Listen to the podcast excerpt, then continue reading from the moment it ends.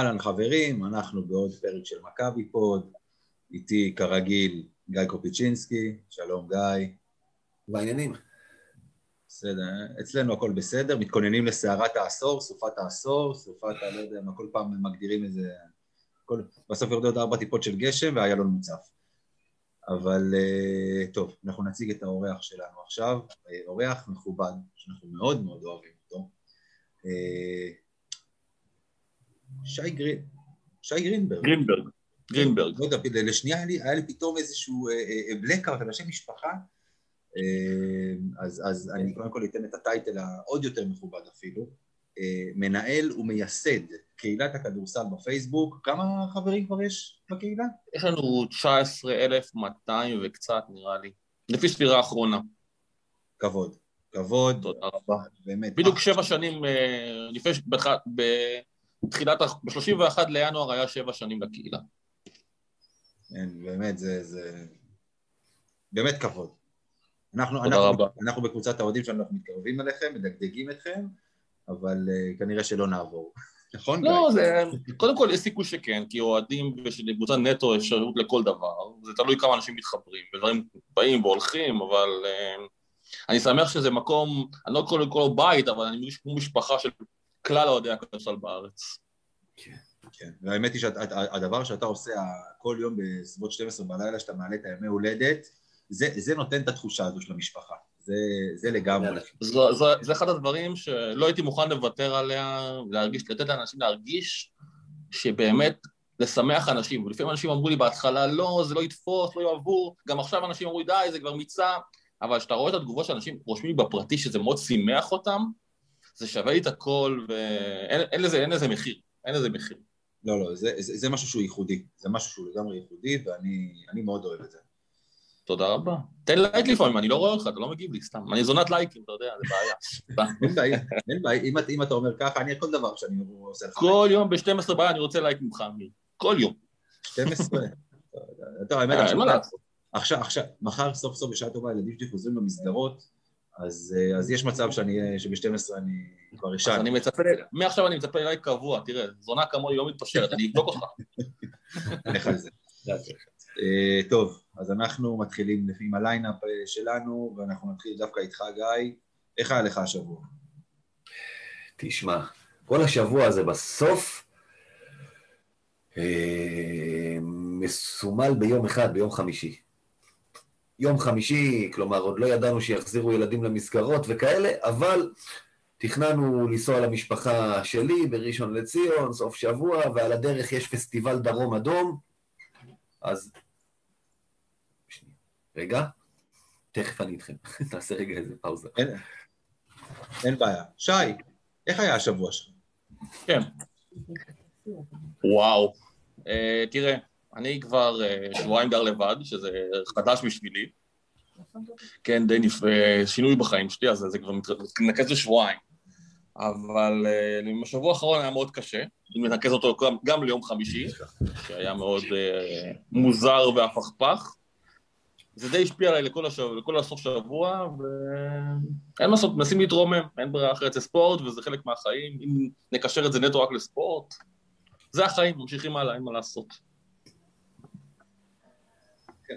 אפשר, אפשר להבין את זה. גיא, אתה, אתה תמשיך מאיפה שהפסקת עם הדרום אדום. בדיוק, נמשיך דרום אדום, נסענו לטייל ורצינו לעשות את זה בחמישי, מראש נסענו בחמישי כבר לטייל בדרום, כדי לא להיתקע בסוף שבוע עם כל עם ישראל ש... שהבנתי שהיה שם מפוצץ. מפה לשם, בגלל שהחלטנו ככה ביום שני שנוסעים בחמישי ב... למרכז, פתאום אמרתי, רגע, חצי גמר, אם כבר מגיעים למרכז, בואו נלך. אז אתה יודע, אנחנו לא לבד בבית, אנחנו צריכים לבקש אישור מהבוס, ו- והבוס אמרה, אין בעיה, בתנאי שזה לא מפריע לטיול. אני לא רוצה לשמוע עכשיו שתשב לי עם סטופר, תרצה לצאת מוקדם, כי אנחנו צריכים להגיע לחצי גמר, או כל מיני דברים כאלה. הבטחתי להתנהג יפה. יצא שלאבא שלי בראשון, הוא נסע איתנו לטייל, הגענו בשש בערב, פחות או יותר. טסתי, מקלחת זריזה, ועפתי למגרש. הגעתי עד שזה ועד שזה, הגעתי למחצית ככה, לפני המחצית טיפה של המשחק הראשון, יום שהתחיל בשש וחצי בבוקר וזה נטו על הרגליים, היה ברור, דיברתי על זה במחצית עם כמה עיתונאים שם, לי היה ברור שזה ילך להערכה מכבי, כי, כי ביום כזה ברור שיעריכו לך אותו עוד קצת, אבל אחרי שפיגרנו 17 הערכה נראה טוב פתאום, אתה יודע, זה...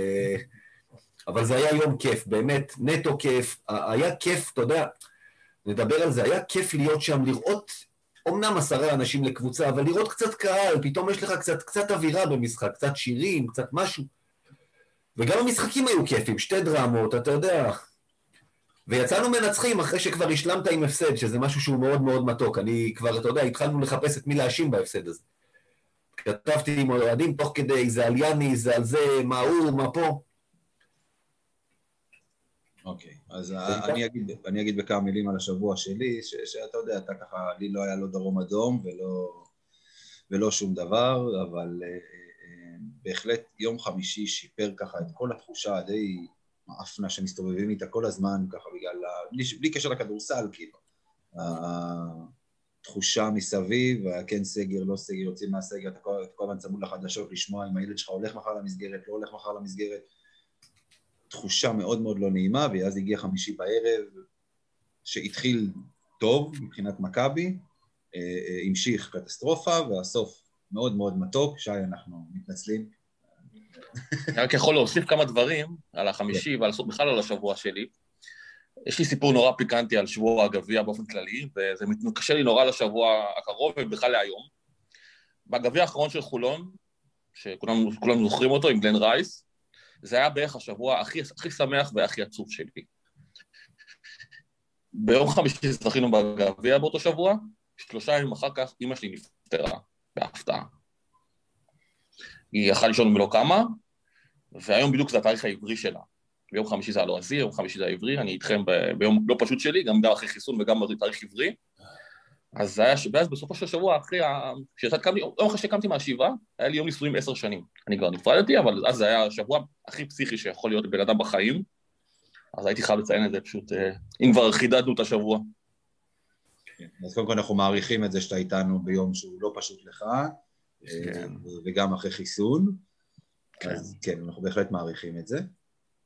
אה, אז באמת ככה התחלנו לדבר, כבר הזכרנו את, את, את יום חמישי, אז, אז בואו נדבר עליו, אבל לפני זה אני רוצה שכן, שי, לשמוע ממך על כל העניין הזה של, של ההדסטארט שהיה של חולון לגבי הזר החמישי. כן. זה, זה, הגיע, זה הגיע מהקהל, כאילו, דרך הקבוצה, זאת אומרת... אני הבנתי לא שזה לא, הגיע... זה לא משהו שנתקלים בו ולא שומעים עליו ביום-יום. לא, אני הבנתי שדווקא זה הגיע ממשהו קטע של די בדיחה, ואז זה הגיע גם להנהלה, והם בדקו אם אפשר בכלל לעשות דבר כזה, ופתאום האוהדים התגייסו ברמות פסיכיות ששוב, לא הפתיע אותי, אני מכיר את הקהל הזה, כמעט את רוב האנשים שם באופן אישי, ויש שם אנשים שאם אתם מכירים, מכירים אותם... חתול, סליחה שאני קוטע אותך. סליחה, שי, פשוט מאחורי גיא. חתול שחור בינינו בזמן שאנחנו מדברים. כן. מה יש? רגע, החתול השחור שלי תזיז את הראש. אה, אוקיי. תזיז את הראש, גיא. לא, לא, הוא ירד. אה, הוא ירד, אה, טוב. פתאום, אתה לא הסתכלת, פתאום אתה רואה כאן בצד, פתאום נכנס חתול לפריים והולך כזה מאחורי גיא. סליחה שאנחנו מתנצלים. לא נורא, הכל בסדר. גיא רגיש שאוכלים מאחוריו חתולים. כן, כן, אנחנו... אז כאילו באמת, אתה לא הפתיע אותי, כי אני מכיר הרבה אנשים נורא ותיקים בקהל הזה וגם נורא חדשים, שלא הפתיע אותי הנוכנות והרצון וההשקעה, והייתי בטוח שהם יגייסו את זה בלי בעיה בכלל, כי, כי זה קהל מדהים, ו, ויש על הסטיגמה לפעמים לא תמיד הוגנת. הרבה דברים הם הרוויחו ביושר לאורך השנים, אבל הרבה דברים הם לא בצדק, כי הקהל הזה הוא באמת, ברגע שיש צו שמונה, כמו שנקרא צו השעה, הם עושים הכל ויעשו הכל, ואין אין מילים, פשוט אין מילים. אני התרגשתי עבורם ברמות באמת קשות, כל... עבורנו, עבורם, עבורנו. כי זה מדהים לראות את הדבר הזה ואת הנוכנות הזאת, מדהים, באמת מדהים בעיניי. יפה. אז בואו ככה באמת... אה, אה, בואו נדבר עכשיו, לפני שאנחנו... לא, לא גם על המשחק של מכבי נגד חולון, אבל אנחנו צריכים להזכיר גם את המשחק של ירושלים נגד אה, ראשון. שנכון, תמיד חצי, חצי גמר הגביע וגמר הגביע נערכים בהפרש של משהו כמו שלושה ימים, בדרך כלל זה שני וחמישי, נכון? נכון. ותמיד... בשנים האחרונות, כן, כן, כן. כן, כן, כן, ותמיד, ובאמת, בדרך כלל האולם, אה, ביד אליהו, בדרך כלל זה היה ביד אליהו, בשנים האחרונות זה גם לפעמים היה ב... אה, לא במלחה, ב- בארנה. בארנה. זה במלחה.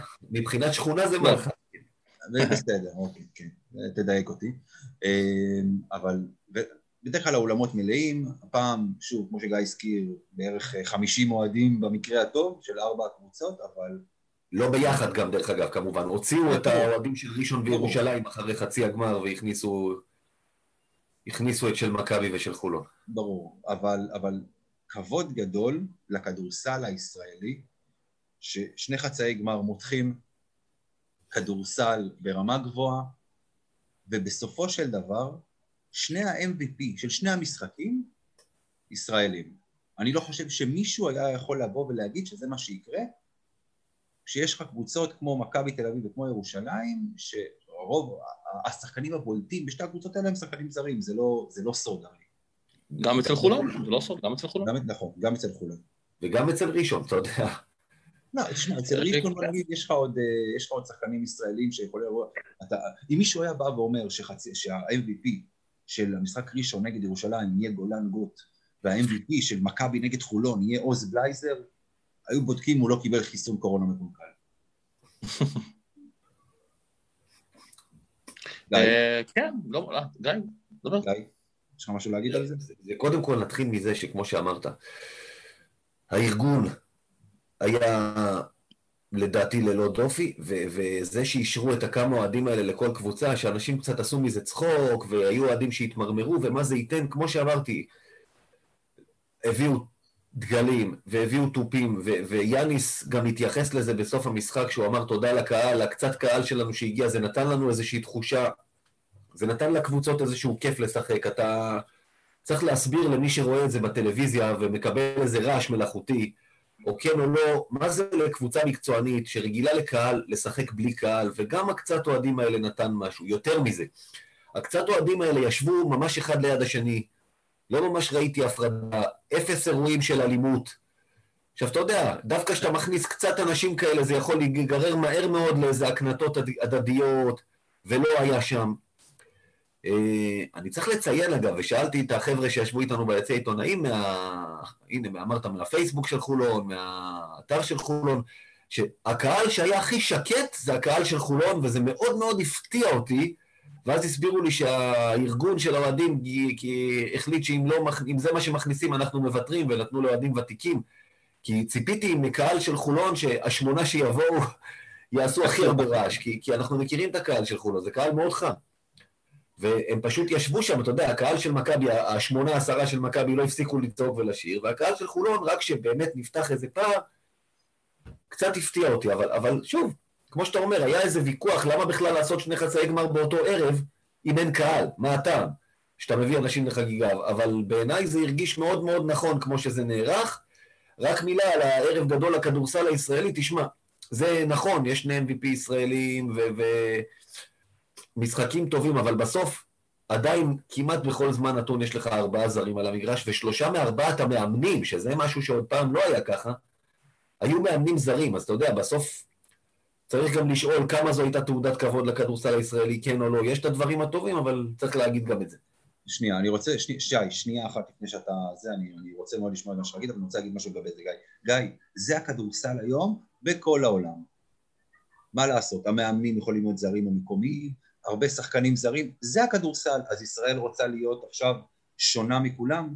אין בעיה, אפשר, אפשר לחזור לימים של שני זרים, ואתה יודע טוב מאוד שלא יהיו שום הצלחות באירופה ולא יהיה שום דבר, גם לא שלושה זרים. לא, לא, זה, זה לא מה שאמרתי, אני אומר, אבל אתה יודע, המאמנים, יש לך מאמנים טובים פה למשל, אתה יודע, יש את הוויכוח הזה על... אה, אם אה, קסטריטיס הוא מאמן שצריך במרכאות לקחת מקום עבודה למאמן ישראלי, או המאמן סו- סוואנה של חיפה צריך לקחת מקום. אני לא מדבר איתך על ספרופולוס, או על דדס שיש להם קצת אה, רקורד יותר רציני. זאת אומרת, זאת כן. שאלה. בוא, בוא, שי, תתייחס אתה לדברים האלה. אני לא חושב שאף אחד לוקח מקום של אף אחד, כמו שהיה את החוק הרוסי, מי שהיה טוב שיחק והגיע, כולם אמרו שהישראלים גונבים, לוקחים, אז אמרו שהישראלים שודדים בטרנינג, כי חלק לוקחים יותר ממה שמגיע להם, זה שטויות גמורות. מי שמגיע לו לשחק, אני לא תמיד מסכים עם זה ב, בסיטואציה מסוימת שאנשים חושבים, כאילו, איך אני אסביר את מה שאני רוצה להגיד? יש אנשים שפתאום מצד אחד אומרים משהו, ואחרי זה שזה קשור לקבוצה שלהם, הם פתאום נהיים קצת צבועים. כי אוהדי ירושלים, גם אוהדים שלנו בהרבה מקרים חטאו, שהרימו פתאום דגלים, אלה לישראל וכאלה, ואז כשזה מגיע לקבוצה שלהם, פתאום כולם נהיים חסידים, הכל בסדר, הכדורסל משתנה, צריך ככה. צריך ללכת עם קו אחיד, וברגע שזה לא קו אחיד, פתאום אנשים מתחילים להתרפס, וזה קשור לפה, יש לך חמישה זרים, שלושה מתאזרחים, תמיד, תהיה אתה, אל, תהיה, אל תחפשו דברים שלא קשורים. תשמע, אני יכול להגיד לך שאני הייתי מראש נגד החוק הרוסי וכל השטויות האלה, בגלל הסיבה הזו, כמו שאמרת עכשיו, מי שטוב ישחק, בסופו של דבר. וככה... אני לא הייתי נגד החוק הרוסי, סליחה, אני לא הייתי נגד החוק הרוסי, הייתי בעדו. לא. גם אני לא. אבל אנשים פה, אני מדבר על באופן כללי על אנשים באופן כללי שאני שמעתי, אני שומע לא מעט אנשים. ואני שומע אנשים שהיו בנגד זה, אז זה מה שאני מדבר. אני הייתי מאוד בעד החוק הרוסי. בסדר, החוק הרוסי בסופו של דבר לא הביא אותנו לשום מקום. אני לא חושב, אני חושב שהנבחרת שלנו... אגב, אתה יודע מי, אגב, סליחה שאני קוטע, אתה יודע מי יזם את החוק הרוסי? אני יודע מי יזם את החוק הרוסי. יפה. זה הגיע ממכבי ואני יודע את זה, וזה בסדר, אין בעיה. בדיוק. זה לא אומר, זה שזה הגיע ממכבי זה לא אומר שאני צריך, להס... שאני, אני צריך להסכים לזה. אני חושב שזה, אני חושב שזו הייתה טעות, כי יש שחקנים שאפשר לבוא ולהגיד בפירוש שהחוק הרוסי פגע בהם, כי הם מבחינתם ידעו שהם יהיו על המגרש. ולא משנה אם ישתפרו לו, אבל עזוב, בוא, בוא לא ניכנס לשם, כי זה לא באמת לא, לא, לא הנושא. זה דיון גם לא נגמר, זה גם דיון לא נגמר. גם, גם אני יכול להגיד לך גם היום, שיש שחקנים בליגת העל שאין להם מקום, ויש שחקנים בליגה לאומית שצריכים להיות בליגת העל. אתה יודע, זה דו צדדי. זה תמיד נכון, זה תמיד ככה לגמרי. אז עכשיו בואו נתמקד באמת במשחק של מכבי נגד חולון. אה, שבאמת היה אחד... חייבים? אתה, אתה רוצה, אתה יודע, בוא תשים על מיוט, לך שתה משהו, תנוח, אנחנו נדבר. הכל בסדר. אמ, אז, אז בוא, בוא, בוא נתחיל רגע מהסוף. חולון הזו, כמו שהיא, עם חמישה זרים והכל. ואני פונה, ואני שואל אותך, שי, קודם כל. נכון שבמשחק הזה ראינו באמת התעלות, אני לא יודע אם להגיד שזו התעלות של חולון, כי חולון קבוצה טובה, ראינו את זה כבר כמה וכמה משחקים, חולון קבוצה טובה, חוץ מההתחלה הקטסטרופלית שלה של הליגה, שהתחילה עם כמה? שניים, שלושה הפסדים? עד ש... כן, שלושה, שלוש, אפס, שלוש, כי עד ש... עד שפגשה את מכבי. עד שמקסים הגיע, עד שמקסים הגיע. עד שמקסים הגיע, שדווקא מקסים פשוט לא היה קיים ביום חמישי. יש לי גם לזה הסבר, יש לי גם לזה הסבר. היה חסר ביטחון לחלוטין, כן. זה לא שחסר ביטחון, כשאתה לא משחק שבועיים פלוס בגלל פציעה, זה משפיע. אתה קודם כל חלוד, ודבר שני, אתה לא יכולת לשתף אותו גם לפני, כי היה לו סוג של מתיחה מסוימת, שמתיחה מטבעה היא, קודם כל, היא, מסו, היא, מסו, היא גם טריקית. כי מתיחה אתה יכול לשחק פתאום לעשות תנועה טובה ולקרוע, ואז במקרה הטוב זה שבועיים שלושה, ובמקרה הגרוע זה שלושה, חודשיים שלושה, ואתה יכול גם לסיים עונה. השאלה אם, עלה, השאלה אם ביום חמישי הוא עלה כשיר. הוא עלה כשיר לגמרי, הוא כבר, שבוע, הוא כבר שבועיים כשיר, אבל שמרו אותו בכוונה ליום חמישי, טעות או לא, כי לא נתנו לו להרגיש מגרש, אפשר להתווכח על זה, כי, כי בן אדם שלא מרגיש מגרש כמעט שלושה שבועות, אתה מגיע חלוד. לא משנה, גם אם אתה פצוע וגם אם אתה לא. אתה מגיע חלוד. עכשיו זה חוכמה בדיעבד. לא, לא, ברור, אבל עדיין כשאתה מגיע בלי להרגיש משחק, לפחות לשחק רבע שעה, להיכנס לשטף, למשחק, כי הוא באמת היה ציר מרכזי ברוב המשחקים, גם באירופה שניצחנו את שולה, וגם בליגה, גם במשחק שהפסדנו, המשחק האחרון שהוא שיחק, שם הוא נפצע נגד הפועל חיפה, אם הוא לא יורד, הוא היחידי שהגיע. אני לא יודע אם יש את הריצת 11-0 של הפועל חיפה, והם מנצחים. כי כשהוא ירד, הוא היה עם 27 נקודות, הוא היחידי שהיה טוב באותו משחק. אז השאלה, השאלה שלי בסופו של דבר, האם הקבוצה הזו יכולה להתמודד, בוא ניקח עכשיו את מכבי, כי כרגע חולון ומכבי אלה שתי הקבוצות הכי טובות בליגה, אני לא חושב שיש עוד איזשהו ויכוח, לא להתמודד עם מכבי בסדרה, בגמר... אני לא חושב, אני חושב שגם גלבוע קבוצה טובה, אין פה יותר מדי טובה, כי הליגה נורא שוויונית, אין פה, חוץ מ... אין פה, גם אין פה משהו מעל, אני לא חושב שיש פה לא. שתי קבוצות ממש טובות מעל, אני לא מסכים. בסדר, תשמע. גלבוע, גם בירושלים שהם בריאים וקריס קרמר שם, הם מאוד מסוכנים. יש קבוצות מאוד טובות ויש קבוצות שטעו במדינה שלהם ולכן הם משלמות את המחיר. חלק שינו, עשו התאמות ושינו, כמו נס ציונה, וחלק לא מצליחות, כמו נהריה, מכבי חיפה, אה, הפועל תל אביב שעדיין מספיקה טוב להתרומם, אבל אני לא חושב שיש פה מעל. אוקיי, גיא. המיקומים משקרים, כי המחזורים נורא מתעתעים. כי- לא, אז אתה עזוב רואה מיקום, מחזור 12, המיקומים לא רלוונטיים, עזוב, כי באמת, כי... כי- בגלל זה אני אומר שאין פה, אני חושב שיותר טובות פחות.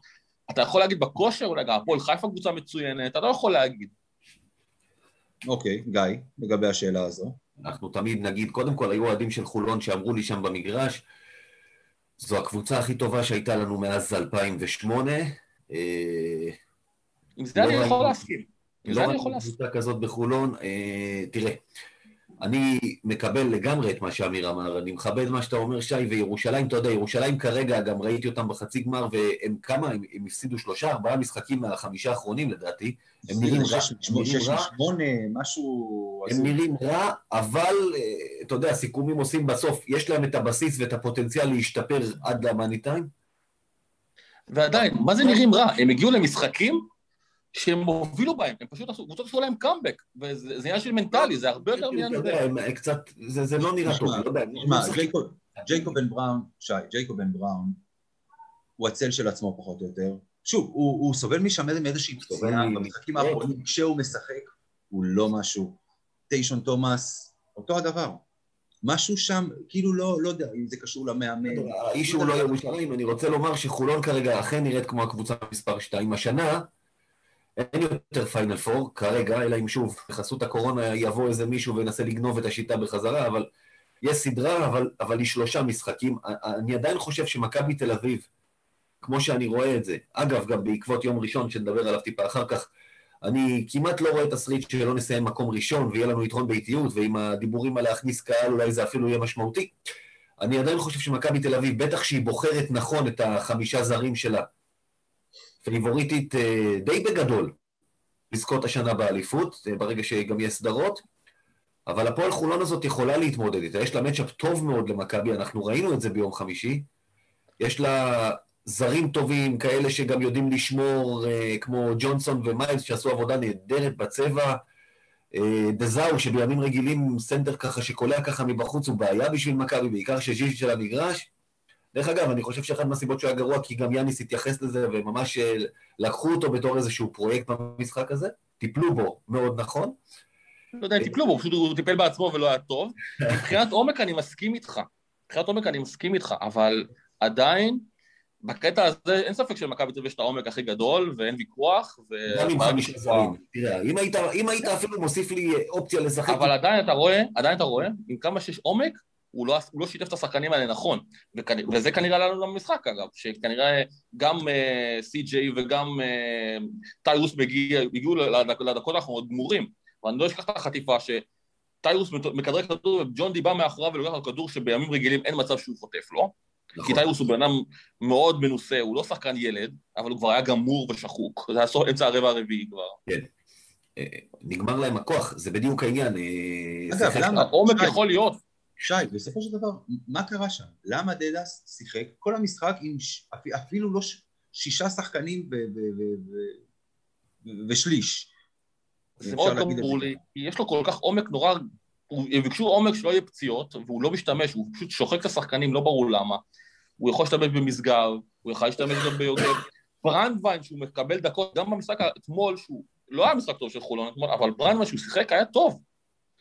ולא ברור למה הוא לא משתמש בהם יותר, והתשובות לדדס, בוא נעלה אותו.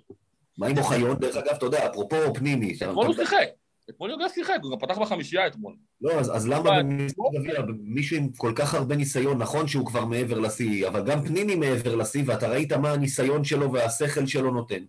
נכון, אבל יש שחקנים, ששוב, יוגב אולי רוצה המון, אבל כנראה לא יכול. כבר לא יכול. גיא רוצה וגם יכול.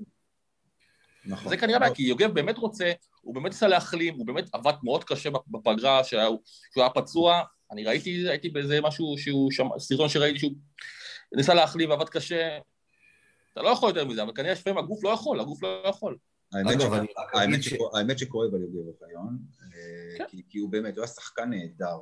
הוא לא היה כישרון גדול, אבל הוא היה, היו לו נתונים. אני חולק עליך. אני חולק עליך. אתה לא ראית אותו בתיכונים, הוא היה כישרון ענק. בתיכונים, ראיתי אותו בעמק החולה, אם אני זוכר נכון? כן, שם הוא היה כישרון ענק. הוא היה משחקים 40 נקודות, איזה כישרון ענק הוא היה. שי, בתיכון גם אני הייתי כישרון ענק. אני הייתי פחות, אבל לא, אני הייתי הרבה פחות, אבל עדיין. אבל להגיד שהוא לא היה כישרון, לא היה. כי אני אגיד לך מה הבעיה, עשו לו הסבה, משתיים לאחד, כי בסדר. ברק שהוא היה בתיכון. אז לפעמים זה משפיע על שחקנים. לא בסופו כולם של דבר, הזה.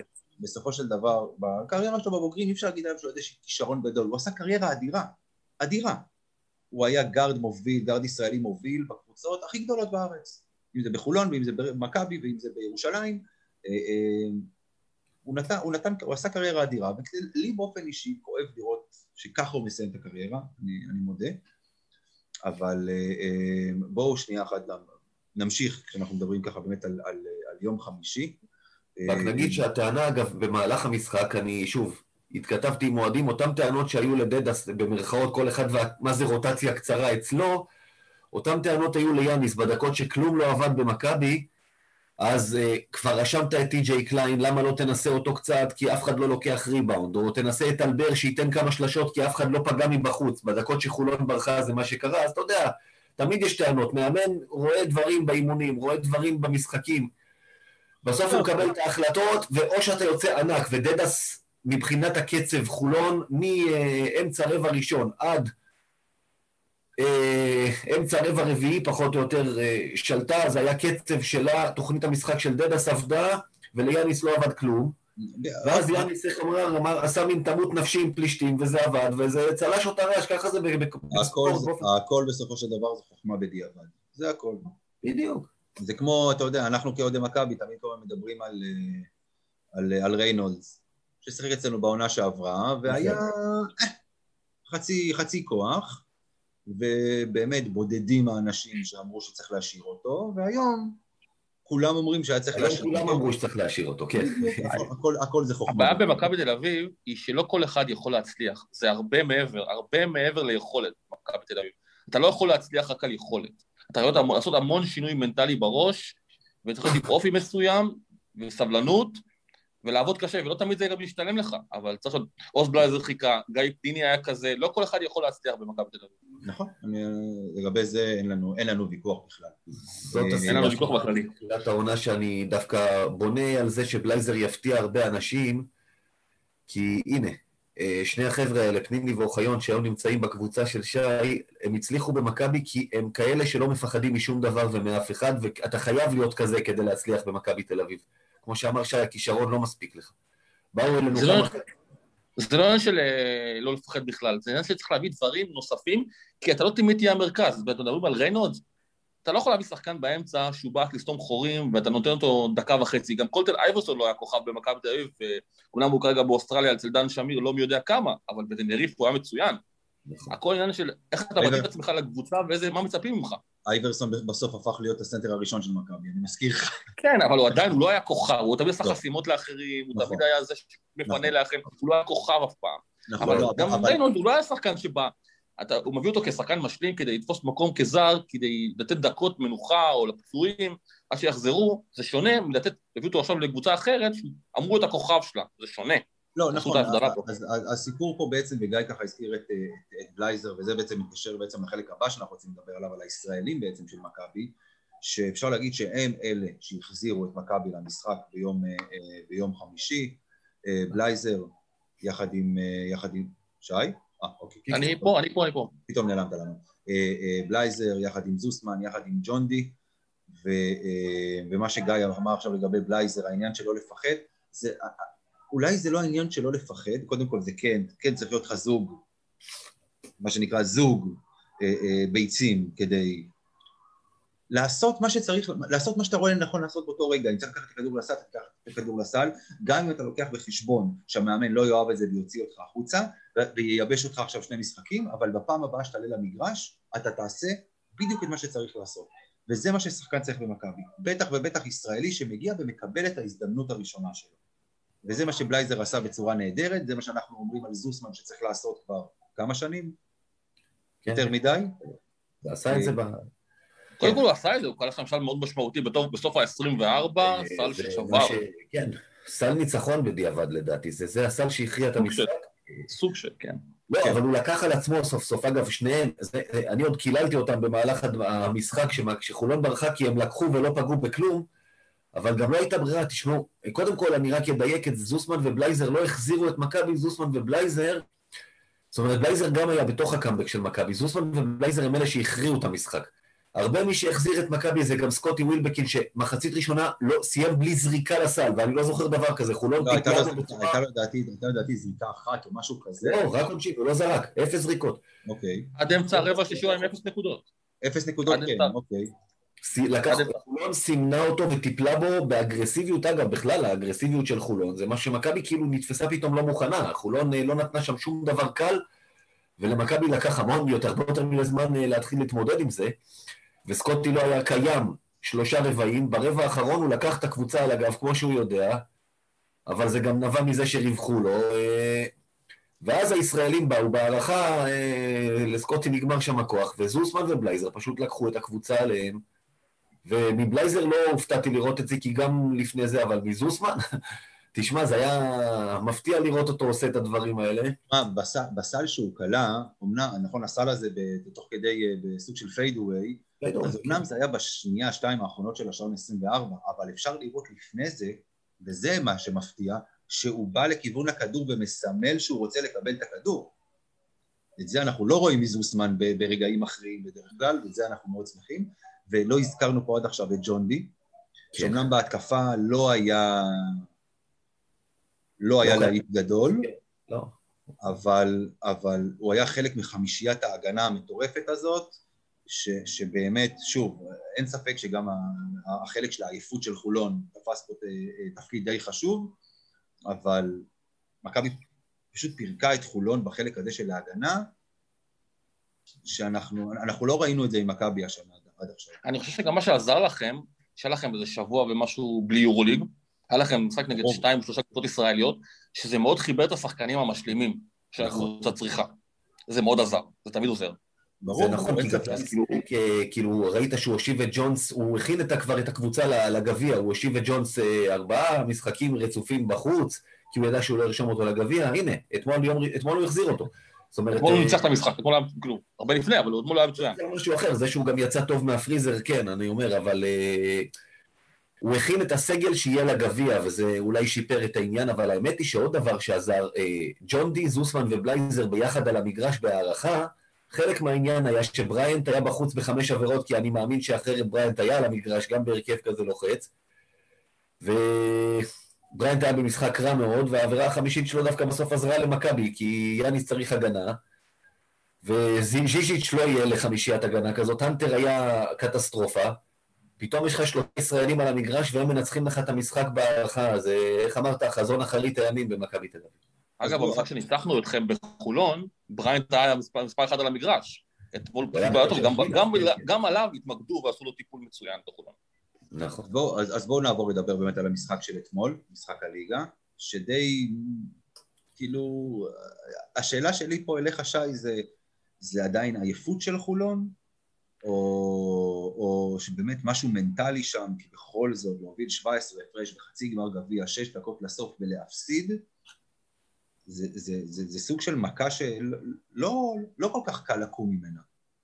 כן, קודם כל אני הייתי פה במשחק, הייתי אחד המזוכיסטים הבודדים שהגיעו, אז אה, כן, אני חושב שזה המון מנטלי, כי קשה להתרומם מדבר כזה, במיוחד שיש לך בקושי יום וחצי, המשחק היה ביום חמישי, אני, המשחק היה ביום ראשון. אתמול, אין לך יותר מדי זמן גם לנוח, להתאמן. לתת לדברים לשקוע, כי ישר אתה עובר למשחק הבא, והוא משחק מאוד קרוב. אז זה המון המון. מנטלי. כן, מבחינת הקבוצה. בטח. תחשוב, הם שיחקו ביום חמישי, סיימו את המשחק, בוא נניח ב-12, יום שישי אולי היה אימון מאוחר, וגם אני בספק אם היה אימון יום שישי, אני לא בטוח. אימון אחד ביום שבת, ואולי זריקות ביום ראשון בבוקר. גם לא בטוח, כי המשחק בשש מוקדם, אז גם לא בטוח. ברוך הבא לחיים שלנו, מה שנקרא, אתה יודע, זה... אין בעיה, אין בעיה, אף אחד לא, לא בכה על עומס, זה המצב. בגלל זה יש קבוצה עמוקה שצריך להשתמש בה נכון. אין בעיה, אני לא בוכה על עומס, אני מבחינתי אשאר פה משחק כל יומיים. אני, אין לי בעיה עם זה. אבל זה אגב מה שיהיה לנו בחודש מרץ, בחולון אגב זה מה שיהיה עם הבלקנית ועם הליגת אלופות, זה מה שיהיה לנו. נכון. יש משחק שנוסעים מטורקיה, נוסעים למקדוניה. הם אפילו לא חוזרים לארץ, הם שבוע בחו"ל. אה, אמרתי דרך באר שבע, אבל לא, זאת אומרת, עושים... לא, לא. לא, לא, יש, יש במהלך חודש מרץ, יש להם טיסה לטורקיה, נשחק נגד אה, קרשיאקה, ומשם הם ממשיכים למקדוניה. זה פסיכי לגמרי. מקווה שיהיו טיסות. אה? שיהיו טיסות, אתה יודע, עם ה... להם יהיו, אל תדאג. של הווירוס, שלא ייסעו באוטובוס. להם יהיה בכל מצב. אבל אה, זה קטע מטורף, שהוא שבוע, אתה לא קבוצה לא נמצאת בארץ, זה פסיכי לגמרי. אתה עושה פה הכנות לוגיסטיות אחרות לגמרי. אנחנו מכירים. את זה, לא יודע, אנחנו רגילים, כאילו. לא, אין בעיה. מבחינת המועדון אני בטוח שכבר הם התרגלו יחסית, וזה עדיין, אבל עדיין זה, הכנות שוואלה, אתה צריך להתכונן לוגיסטית אחרת, להכין סטות בגדים, זה לא פשוט לקבוצה. גם לקבוצה שאתה מוכנה לזה, זה לא פשוט. אז אתמול זה היה המון המון מנטלי, וראית שהשחקנים כבר באו רק להעביר את היום הזה, והראש בחופש, עד עד שבוע הבא. גיא, לגבי אתמול. קודם כל, אה, זה, אם דיברת, זה אחד היתרונות שיש למכבי בשלב הזה. כי חולון בא עם אותו סגל, מינוס קריס ג'ונסון ש... שהרגיש לא טוב, אולי הוא נדבק מכספי. אה, הוא הקיא וכאלה, אבל אה, למכבי תל אביב היו שלושה שחקנים פרש לגמרי, ש... יאניס אחד מהם עוד הורחק, אחד מהם עוד הורחק, דורסי הורחק הורחק. זה כן, תראה, כאילו, יש אחד, קריס ג'ונס, שבא, איך שידידנו אבי רויזמן אמר, הוציא אותו מהפריזר, והוא יצא ממנו רותח, ותשמע, כבר היה מי שכתב לי אתמול, אה, תתנצלו על זה שאמרתם שהוא לא מספיק טוב למכבי, על, על סמך משחק אחד, עם כל הכבוד, מול קבוצה, כמו שאמרת, שהיא די עייפה.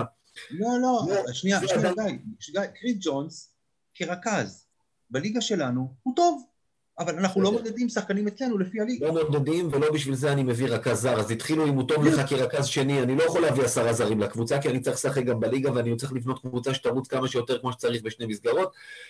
אבל, אבל, כל הכבוד לו, זו התנהגות של מקצוען, שאחרי ארבעה משחקים בחוץ, יצא כמו מילה של תותח, להוכיח למאמן שהוא טועה, ולא עושה... לעומת זאת דורסי שבא ומסדר לעצמו הרחקות, ועזוב אם זה מוצדק או לא.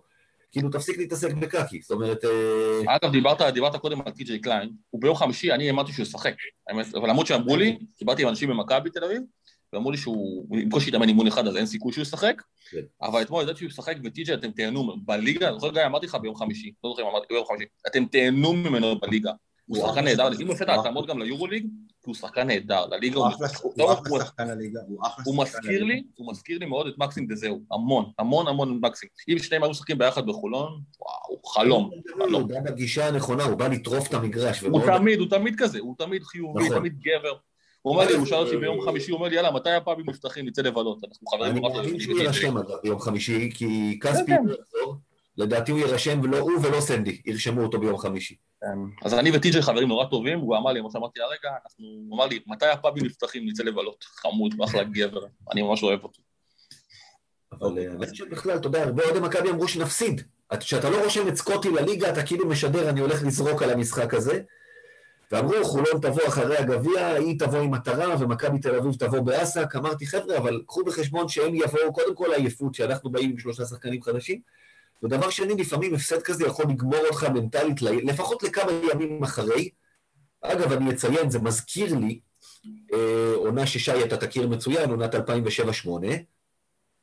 שממש כמה ימים אחרי גמר גביע, שמכבי תל אביב הפסידה בצורה נוראית, שהובילה 22 הפרש והפסידה לירושלים, גמר גביע, לא פיינל פור, נפגשו הקבוצות באותו איצטדיון, אותו יד אליהו, למשחק ליגה, ומכבי, התפתח משחק שמכבי ניצחה 113-111 בהערכה, משחק כדורסל מהטובים כן. שראיתי פה, דיברנו עליו באחד השיעורי היסטוריה שלנו, ולפחות אמרתי, מצא חן בעיניי שמכבי באה לשחק על הכבוד שלה, ולא נתנה להפסד הנוראי בגביע לשבור אותה. לא, אבל אתמול, כמו שאמרת, אתמול באו שחקנים רעננים, ובאו שחקנים שיצאו באמת מהקפאה, והוא להוכיח שהמקום שלהם נמצא, כי אחרי שהם ראו שחקנים נורא טובים ומשחקים טוב, הם חייבים להוכיח את המקום שלהם. ולמעט דורסי, שהוא, סליחה על הביטוי, יצא, שוב, לא נעים לדבר לא יפה, אבל הוא יצא קצת טיפש. כן. הוא עושה עבירה בלתי ספורטיבית שנייה, טכנית, תפסיק לדבר, שוב. העבירה הראשונה הייתה בלתי ספורטיבית מוצדקת, כי הוא עשה עבירה בלתי ספורטיבית, אם תפס שם את סי.ג'יי ביד. אבל השנייה, סתם, למה אתה מדבר עם השופט? תתקדם כבר, לא צריך. אנחנו רגילים להתנגדות הטיפשית שלו, אז זה לא מפתיע אותנו.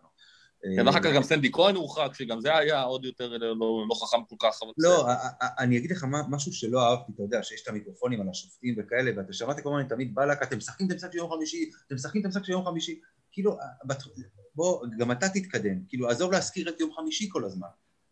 זה, זה, זאת הייתה התחושה שלי, אגב, לגבי... אני לא. אני לא שמעתי כי ראית, הייתי באולם, אבל אה, אם בלק אמר את זה. אז שמעו כל הזמן את בלק אומר את זה, אמר את זה פעם אחת לפניני, אמר את זה, אני לא זוכר למי עוד, אתם משחקים את המשחק של יום חמישי, כאילו, בשביל מה זה טוב?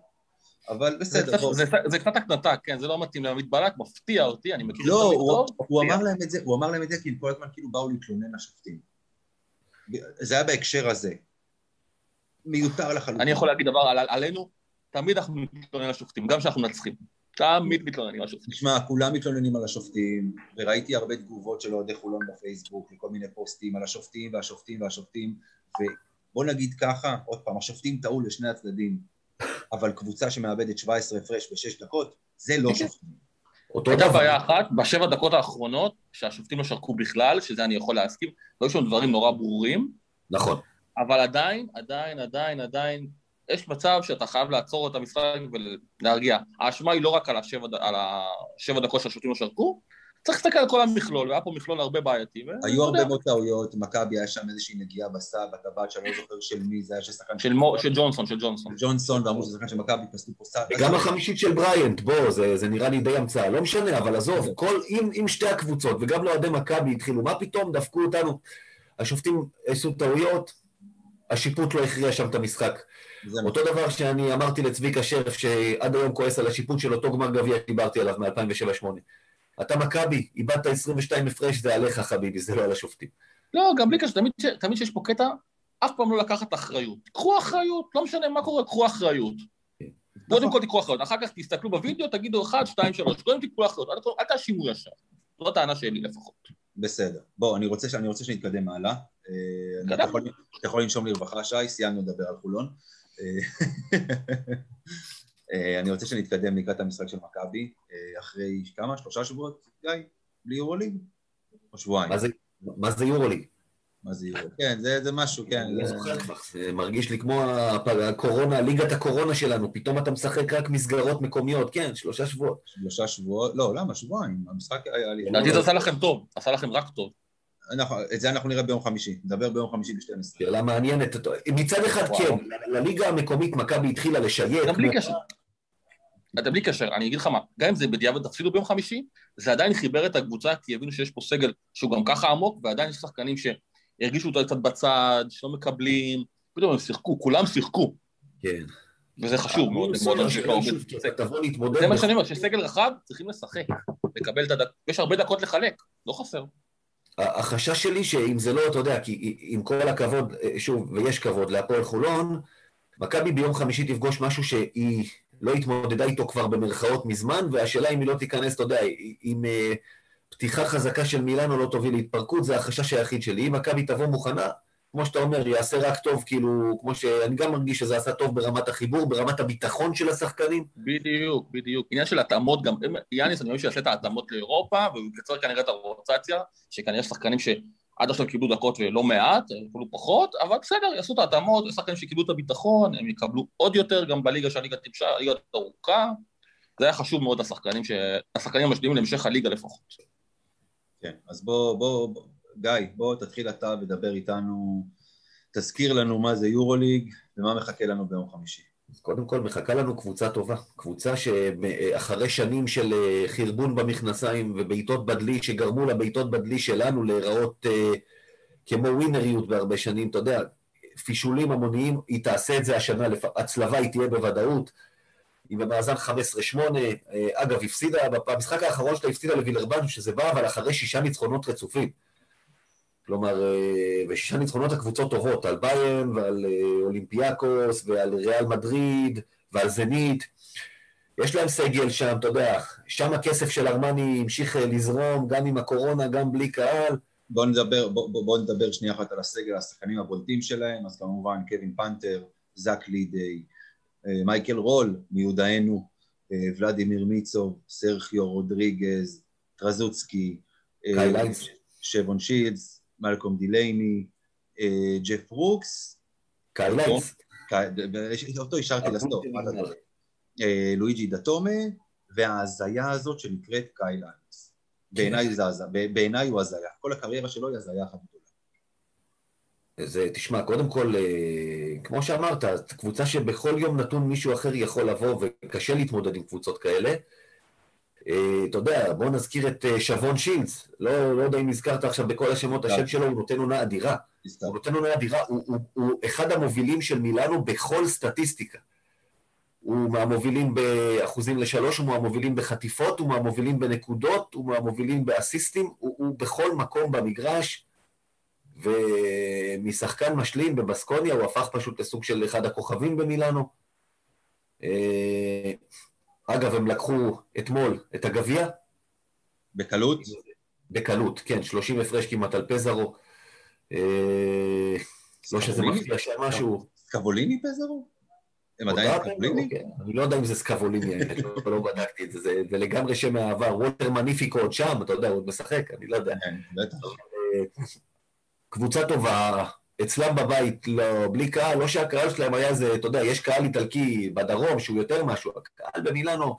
אנחנו, אנחנו, עכשיו, אנחנו מגיעים לאולם במילאנו, העמודים שם רועדים מפחד. בכל זאת, האולם במילאנו. יש לנו שם, יש לנו שם זיכרונות טובים. באופן כללי, דרך אגב, לא, המאזן מאז שנת 2000, שביורוליג סופרים, הוא 6-3 למילאנו. ש... ש... בסדר. אז אה, לא, תראה, בבית שלך אתה לא הפסדת להם עד, עד הסיבוב הקודם, אגב, זה, יחד עם אה, ולנסיה זה ההפסד הכי כואב שלנו, אני חושב, השנה ביורוליג, מה שקרה בסיבוב הקודם נגדם, עם אותה שלשה פלוס עבירה של ג'ונדי שכבר המשחק היה לך בידיים. תראה, במשחק ההוא הוכחנו, עם כל החסרונות, שאנחנו יכולים להתמודד איתם, ואני מאמין שגם היום אנחנו יכולים להתמודד איתם, כמובן שהם פייבוריטים, אבל uh, כמו שאתה אומר כבר, ניצחנו השנה בברצלונה, ניצחנו את ריאל מדריד, לא משחק שאני זורק מראש, למרות שמארבעת המשחקים הקרובים שלדעתי אם מכבי רוצה להשאיר לעצמה סיכוי באמת להישאר בחיים, היא צריכה שלושה מתוכם לפחות, והארבעה האלה זה מילאנו, ואז ביירן בחוץ, ואז צסקה בבית וולנסיה בבית. היא צריכה שלושה מהארבעה, ולדעתי המשחק הזה הוא הכי קשה מתוך הארבעה האלה, אבל עדיין, אני חושב שאפשר לנצח אותו. אגב, שנייה, לפני שאני נותן לך שי לדבר, כי אני רוצה מאוד לשמוע את מה שיש לך להגיד, כי אתה היחיד שניטרלי פה, אה, מארבעת המשחקים הקרובים שאמרת, אני חושב שהמשחק הכי קל זה צסקה בבית. אין קל, אתה יודע, דווקא הקבוצות האלה נוטות לבוא, לפעמים לבעוט לך בתחת, מה שנקרא. לא, תשמע, אם הם מגיעים עם הסגל הנוכחי שלהם כרגע, אתה פייבוריט במשחק הזה ואתה צריך לנצח אותו, חייב לנצח אותו. אה, אבל אה, אנחנו עוד נגיע לשם. שי, מה יש לך להגיד כן. לגבי המשחק של מכבי נגד מילאנו בחמישי? קודם כל, אני חושב שאת כמו שאמרתי, כל, כל מה שקרה עכשיו, כל הפגרה הזאת מהיורוליג, נתן לך את הזמן לנוח, להתארגן, זה כל הפצועים חזרו, הקבוצה בסגל נראה לי מלא, נכון? אין פצועים או משהו שאני מפספס. כספי. חוץ מכספי, שכבר, אתה יודע, אני... בסדר, אני מכבד אותו מאוד, אבל... כן, הריצה הזאת שעשתה בלעדיו, הסגל כבר התגבש, המועדון נראה במצב, במקום טוב. אז אומנם אה, הסיכויים לעלות לשלב הבא הם כרגע סוג של תלושים מסוימים, כי אני לא רואה אתכם מספיק טובים לעומת הקבוצות הגדולות, אבל עדיין זה חיבר נורא טוב, ואם דברים יתחברו, ואם משחק, אם, אם הקהל גם יחזור בשלב מסוים, ואנחנו יודעים את האנרגיות שיום חמישי שהוא אנרגיות מסוימות מאוד, זה יכול להיות. ומשהו אולי קצת יותר ספציפי לגבי חמישי הקרוב, איך אתה רואה את ה... חמישי הקרוב קשה להיות, כי הם מאוד קבוצה מאוד חזקה ומאוד עמוקה, גם דיברת על זק לידי, שאנחנו מכירים אותו מגלבוע הגליל, שחקן מצוין, ויש שם שחקנים באמת, הם קבוצה מאוד עמוקה ומאוד טובה, והם ניצחו בגביע בקלות, ואי אפשר להקל ראש בליגה האיטלקית, אז יהיה מאוד קשה, במיוחד שזה בחוץ, אז בכלל זה יהיה קשה, ואחרי טיסה, ואחרי הרבה שלא טסו, כל הארגונים האלה, אגב, היום, היה היום פרסום שעדיין למכבי אין אישור לצאת לטיסה למילאנו, כן? לא... אני לא רואה את זה מצב שהם לא יהיו פה על טיסה, יהיה להם אישור, אם צריך שמעון יגיע עד ראש הממשלה, הכל בסדר. לא, סתם, אני, אני מציין את העובדה, אני לא חושב... אני גם, גם, זה גם עובדה. כן. ששמעון יגיע עד ראש הממשלה זה גם עובדה. כן, לא, אז, אז אני חושב, עוד פעם, זה הולך להיות משחק סופר קשה. אה, אני, זה שהמשחקים האחרונים... אין משחקים קלים, אין משחקים קלים. לא. לא, לא, לא, בסדר, אתה יודע, יש משחקים שהם קשים, יש משחקים שהם מאוד קשים. מילאנו היא באמת, היא אחת מקבוצות הטופ יורוליגה אה, העונה הזו, עם סגל מפלצתי, שיש לך שם לפחות, לפחות, שישה, שבעה שחקנים שיכולים ביום נתון לקלוע לך עשרים נקודות, במינימום. אה, וזה הולך להיות מאוד מאוד קשה. להגיד לך שזה בלתי אפשרי, זה אפשרי, הכל אפשרי עם מכבי של העונה, שוב, שניצחה את ברצלונה בחוץ ואת ריאל מדריד בבית. אה, הכל אפשרי בכדורסל, אתה יודע, כדורסל זה דבר אה, מאוד אפשרי. תשמע, אתה יודע, קלישאות, הכל... לא כדורגל, לא, לא, תשמע, זה בכל זאת, אתה לא יכול לעשות בונקר ולגנוב 1-0. צריך לשחק, אתה מבין? נכון, נכון. לא- איזה ענף דיברת? אני לא מכיר את הענף הזה שדיברת עליו, איזה ענף זה? זה ענף ששם אפשר לגנוב ניצחונות אה, גם אם אתה גרוע. אני לא מכיר את הענף הזה, אני מתנצל. אז אני אספר לך, ככה זה עובד. סטטיסטית בכדורגל מנצחים, אה, פייבוריטית מנצחת הרבה פחות, מכל משחק כדור אחר. בכדורסל זה עדיין יותר גבוהי. תודה לך על השיעור הזה. אז בכל מקרה, מה שאני חושב, אני אומר, זה שבסופו של דבר, המשחק הזה לא, לא בידיים של מכבי, אה, לא תלוי במכבי, זאת אומרת, יותר נכון. צריך, צריך לקרות משהו, משהו חריג, לדעתי, כדי שמכבי... לא, אבל יש גישה, אתה יודע, אם מכבי תבוא באותה, כאילו, אם היא לא תשכח שהיא שיחקה רק בליגה עכשיו, תבוא רכה, כמו שהיא חלקים גדולים מדי מול פנרבכצ'ה, מול קבוצה עדיפה ממך, אם אתה לא תבוא במצב של סכין בין השיניים לפוצץ, אתה תיענש. במילאנו יש שחקנים, כל אחד יכול גם, כמעט כולם, חוץ מהיינץ אולי קולים מבחוץ, גם הנה, הזכרתם את זק לידי, הוא קולע 50% משלוש שנה, ו-21 מ-42 שלשות הוא קלע השנה לשחקן פנים, זה, זה מטורף. ודתומה, ושבון שילס, וסרחיו רודריגז, אם אתה לא תחליף חזק, ואם לא תהיה אגרסיבי ולא תרביץ מכות, אני חושב שמכבי גם צריכה להוריד את הסקור, היא לא יכולה להשתולל איתם במשחק הזה. אז ברור שאין לך סיכוי, זה, אם אתה תבוא בגישה הזאת, תגרור אותם לקרב של עצבים, ולקרב של מכות, ולקרב של אה, ברצלונה. ברצלונה. בריבאונד. ברצלונה. כמו ברצלונה. בדיוק, כמו ברצלונה, ואגב, דווקא מהבחינה הזאת, כשאתה מזכיר את הדברים האלה, אז המשחקים נגד חולון היו אחלה הכנה למכבי. על לגבי חמישייה, חמישה שחקנים שיכולים אה, לקטוע לך מבחוץ. אז... גם אה, שחקנים יקבלו שם פחות, יותר מבטים, בניגוד להכנות טקטיות שקורות בארץ הרבה יותר לעומק, כמו שקרה עם ווילבקין, שם ווילבקין לדעתי יקבל הרבה יותר מבטים, ויהיה לו הרבה יותר קל, כמה שזה נשמע מוזר, לדעתי לפחות. כי באירופה פחות עושים סיכול ממוקד כמו קבוצות בארץ, וכמו שאנחנו עשינו לווילבקין. ראינו, ראינו כבר מקרים שקבוצות באירופה, עוד פעם. כן, אבל לא ברמות האלה, לא ברמות האלה, שאני לא נתקלתי ברמות האלה, ברמות שבהם מתבייתים על שחקן ומחליטים שאותו מוציאים מהמשחק בכל מחיר. אוקיי, בסדר גמור. טוב, אנחנו עכשיו עוברים להימורים, אה, וההימור הראשון שלנו, ואני שואל אותך קודם כל, שי, כספי יהיה בסגל ביום חמישי או לא? לא. גיא? לא. זה לא הימור, זה כאילו, איך אתה אומר, זה לא... לא, לא, תשמע, הוא באמת סובל שם ממשהו והוא הוריד המון המון משקל, וכדי גם להחזיר אותו לעניינים, אתה צריך גם איזה זמן להחזיר אותו לאיזשהו כושר משחק. גם לא תראה, אנחנו כבר על תכף ערב יום שלישי, והוא עדיין לא התאמן. כאילו, יהיה טיפשי להלביש פה. היה פרסום של מכבי, היה פרסום של מכבי לפני שבוע, שבוע וחצי, שהוא חזר לאימונים. כן. מאז... חזר לאימונים, חזר לשבת שם בצד ולהסתכל, מישהו צחק על זה כבר, כן. לא, לא אמרו חזר להתאמן, אמרו חזר לאימונים. ברגע שיש גם את טי.ג'יי עכשיו, ברגע שיש את טי.ג'יי, אין סיבה שהוא יחזור כרגע, במיוחד שאין סיבה לסכן אותו, אלא אם כן באמת רוצים משהו חריג, אבל יש את טי.ג'יי, אז אין סיבה לסכן אותו, לתת לו את הזמן להחלים כמו שצריך, בגלל זה הביאו את טי.ג'יי אגב. נכון. כן, אה, סבירות גבוהה. והזכרת את טי.ג'יי, אז ההימור הבא שלי הוא עליו. מה יהיה יותר לטי.ג'יי קליין ביום חמישי? נקודות או דקות? אה, וואו. אה, לדעתי זה דקות. דקות. גיא? שוויון. אפס. תיקו תיקו שוויון? מה אפס? כן. לא דקות, לא נקודות. יהיה בסגל אבל לא ישחק. הוא יקלע גם, הוא יהיה לו דקות, אבל לא יקלע כמו שהוא, הוא דווקא יכול לקלוע. אז אני... לא אמרתי שהוא לא יכול, אמרתי שיאניס לא ישתמש בו. דווקא שלא מצפים ממנו, הוא יכול להפתיע מאוד. לא מכירים אותו, הם לא מכירים אותו מילאנו. נכון, זו בדיוק הנקודה שלי, שי. למרות שהוא ישחק איתה בליגה האיטלקית, הוא ישחק איתה בליגה מספיק טוב. לדעתי... אני חושב שהוא צריך להשתמש בו קצת, אני חושב שזה לא יקרה, זה הכל. יאניס לפעמים הוא מאמן קצת מקובע בדברים מסוימים. הוא ישחק, טי.ג'יי קליין ישחק, והוא יפתיע. אני שכחתי שהם מכירים אותו מהליגה האיטלקית, הם מכירים אותו מהליגה, סליחה שאני קוטע אותך, הם מכירים אותו מהליגה האיטלקית, שכחתי כן, את זה, אבל לא מספיק טוב. נכון, אבל אה, לדעתי הוא יכול להפתיע אותם עדיין. אוקיי, אני מהמר שהוא ישחק, ואני אומר שגם הוא יקלע יותר נקודות מאשר הוא ישחק, שוב, כי, כי פשוט התמקדו בשחקנים אחרים, אני חושב שהוא מאוד מאוד יכול להפתיע שם. אה, אז זה ההימור שלי. ההימור הבא שלנו... תדע לך שזה פעם ראשונה שאני מהמר, אני אף פעם לא מהמר על שום דבר. כן, כי זה לא חולון, אז זה בסדר, תרגיש כן. בדיוק. ההימור הבא שלנו נוגע לשחקן הכי חם במכבי בשבוע האחרון, עוז בלייזר.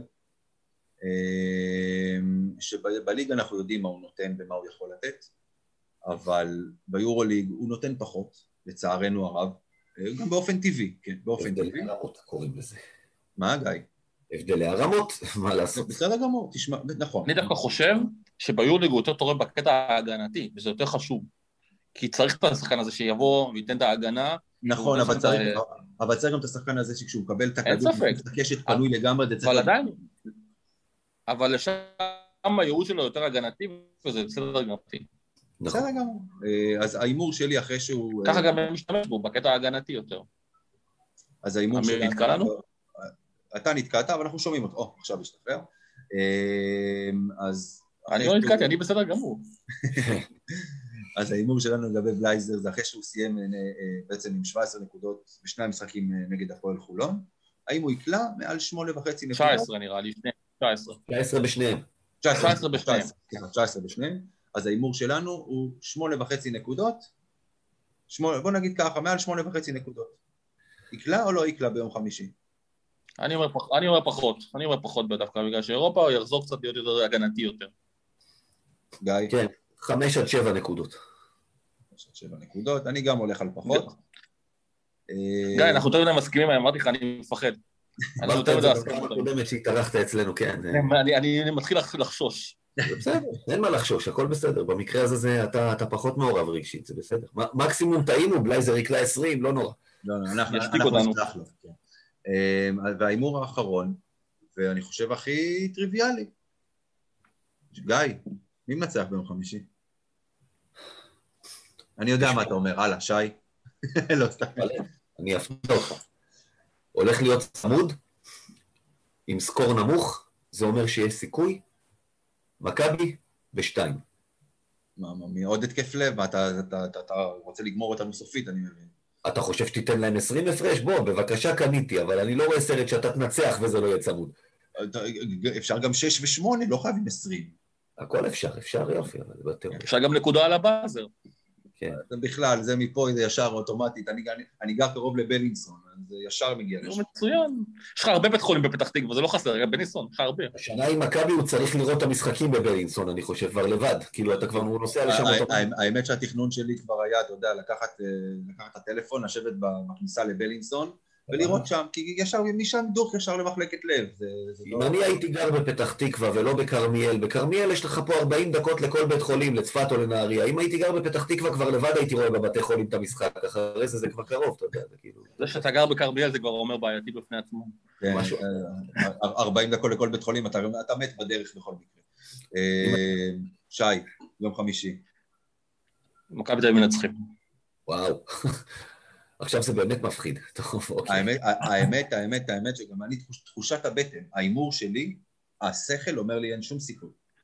זה עניין של הביטחון שהם קיבלו עם כל השבוע וחצי האחרונה, שבועיים שהם קיבלו בעודף ניצחונות האלה, נתן להם ביטחון שאתה רואה שהקבוצה, הולכים ודברים, דברים התחילו לשטוף בגלל זה. מזה אני. מגיע, אבל יכול להיות שזה גם מגיע מזה שמזמן לא ראיתי קבוצת יורוליג, איך היא נראית מקרוב, מה שנקרא, אז, אז אה, עלה לי קצת הביטחון שלא בצדק, אבל בסדר. אז- תשמיע את זה אחרי חמישי שאני אצא טמבל. זה קצת, אה, איך אומרים, זה, זה, זה קצת כמו קרמר בסיינפלד עם הקארטה, אתה מכיר את זה? שהוא עם בטח. עם הילדים עם בשיעור, הילדים הקטנים. אני הכי טוב בכיתה שלי, והוא מבסוט. זה, זה קצת. עלה לנו לראש טיפה. עם הילדים. הקטנים, שהיא באה לראות את הילדים עלה הקטנים. לנו קצת לראש. טוב, וואי, סיינפלד, אה, צריך לעשות פודקאסט סיינפלד לדעתי. ההימור שלי הוא שמכבי מנצחים, שהוא תחוש- תחושת הבטן שלי, אני לא יודע מאיפה זה מגיע. גיא, שיעור היסטוריה. יאללה, בוא נלך אליו. כי שוב, אני הולך לאותה שנה ששי מאוד אוהב, 2007-2008. אה, מכבי תל אביב עברה שנה הזויה באותה שנה, זה באמת אחת השנים הכי מוזרות שהיו לי בתור אוהד. עונת הגמרים, לא? זה? לא. עונת הגמר, התחלת אותה עם עודד קטש על הקווים וצביקה שרף מנהל מקצועי, וניקולה וויצ'יץ' פצוע ומרקוס פייזר כשיר. סיימת אותה עם וויצ'יץ' כשיר, פייזר פצוע, קטש במקום אחר, צביקה שרף על הקווים, ושלושה גמרים ושלושה מפחי נפש. מצד אחד באירופה אף אחד לא בא בטענות, הגעת עד לגמר, הפסדת לצסקה, זה מעל ומעבר מה שציפינו. סיימנו אותה בטעם חמוץ, זה לא הגמרים בליגה. אם היית מפסיד גמר כמו שהפסדנו ב-2010 לגלבוע, או ל-2013 לחיפה, שידעת שהרגשת שגנבו אותנו, כי היינו הקבוצה הכי טובה בליגה. ב-2008 הפסדנו שמונה מתשעת משחקי הליגה בסיבוב שלישי, והפסדת שם את המקום הראשון. ואני עד היום אין לי הסבר לזה, וגם כשאירחנו פה את צביקה שרף, גם הוא לא הצליח להסביר לנו באמת את זה. אה, אתה זוכר מי היה באותו משחק, הגמר של אותו שנה על אזרחי ומי לא שיחק בכלל? באיזה גמר של הליגה? של השנה הזאת, כן? נגדנו? חוץ ממרקוס פייזר, שבלי קשר, אתה מדבר במכבי? לא יודע מי מי לא שיחק, מי לא קיבל דקה, והיה בוש, ומי היה אזרחי. ליאור אליהו, אני חושב שלא קיבל. נכון? ליאור היה על על בוש, וגל מקל היה על אזרחי, על הספסל. גל מקל על אזרחי. גיא, מדבר. גיא, בואו נתקדם עם שיעור ההיסטוריה. יאללה, בוא נרוץ. anyway, אז אוקיי. מכבי תל אביב הגיעה למילאנו באותה שנה בנובמבר, עודד קטש עדיין המאמן, מכבי ככה מקרטט, מילאנו שלה זה, זה לא אותם יחסי כוחות כמו מילאנו של היום, לא שהייתה קבוצה כל כך גרועה, אבל אנחנו מבחינתנו, אני ציפיתי לנצח את המשחק הזה, מילאנו לא הייתה איזה קבוצת צמרת, והסתבכנו. וזה הפך למשחק של מיני ריצה לפה, מיני ריצה לשם, וצמוד כל המשחק, ואתה מחכה שהקבוצה שלך תברח, וזה לא קורה. ומחצית שנייה גם הקבוצות הפסיקו, הפסיקו לקלוע. אה, וזה הגיע לזה ש... זאת אומרת, רק נגיד שבמילאנו דנילו גלינרי שיחק שם 20 נקודות, ווקצ'ביץ' 20 נקודות, אה, ושלשה של אותו ווקצ'ביץ' העלתה את מילאנו ל-81-79. קאמינגס קלע רק אחת משתיים מהקו, מילאנו החטיאה, מכבי יצאה להתקפה האחרונה, ואיכשהו מכולם וונטיגו קאמינגס, שבאותה שנה אני רק זוכר אותו בתור אחד שבורח מהכדור במאני טיים, הוא זה שלקח את הכדור לסל, יצא לו זריקה שבקושי הגיעה לקרש, וטרנס מוריס הגיע ב follow, מכבי ניצחה 82-81, במשחק שבאותה שנה אני רק כעסתי על איך סיבכת משחק שמבחינתי לא הייתה סיבה לסבך, אבל לפחות ניצחנו. השנה אנחנו נקנה ניצחון כזה, למרות שזה יביא אותך לבלינסון, ואתה יודע, אנחנו נקנה נקודה כזאת על ה... עם סל ניצחון. רק נגיד באותו משחק, יותם אלפרין 20 נקודות, מוריס 17. ואיך שהשנה הזאת הסתיימה, אנחנו ושי זוכרים טוב מאוד. כן, אני זוכר מצוין. כן. בכיתי. לא- לראשונה בכדורסל בכיתי. אני לא רוצה לדבר על זה. אז חברים, אנחנו כאן מסיימים את הפרק הזה. אז אה, גיא קופיצ'ינסקי, תודה רבה. תודה רבה שי. גרינברג, מנהל ומייסד קהילת הכדורסל בפייסבוק. המון המון תודה. תודה. שהזמנתם אותי, כבוד הוא לי. בשמחה, ו- ואנחנו, חפשו אותנו בפייסבוק, בטלגרם, בטוויטר. אנחנו מסיימים כאן מכבי פוד. יאללה מכבי. יאללה מכבי.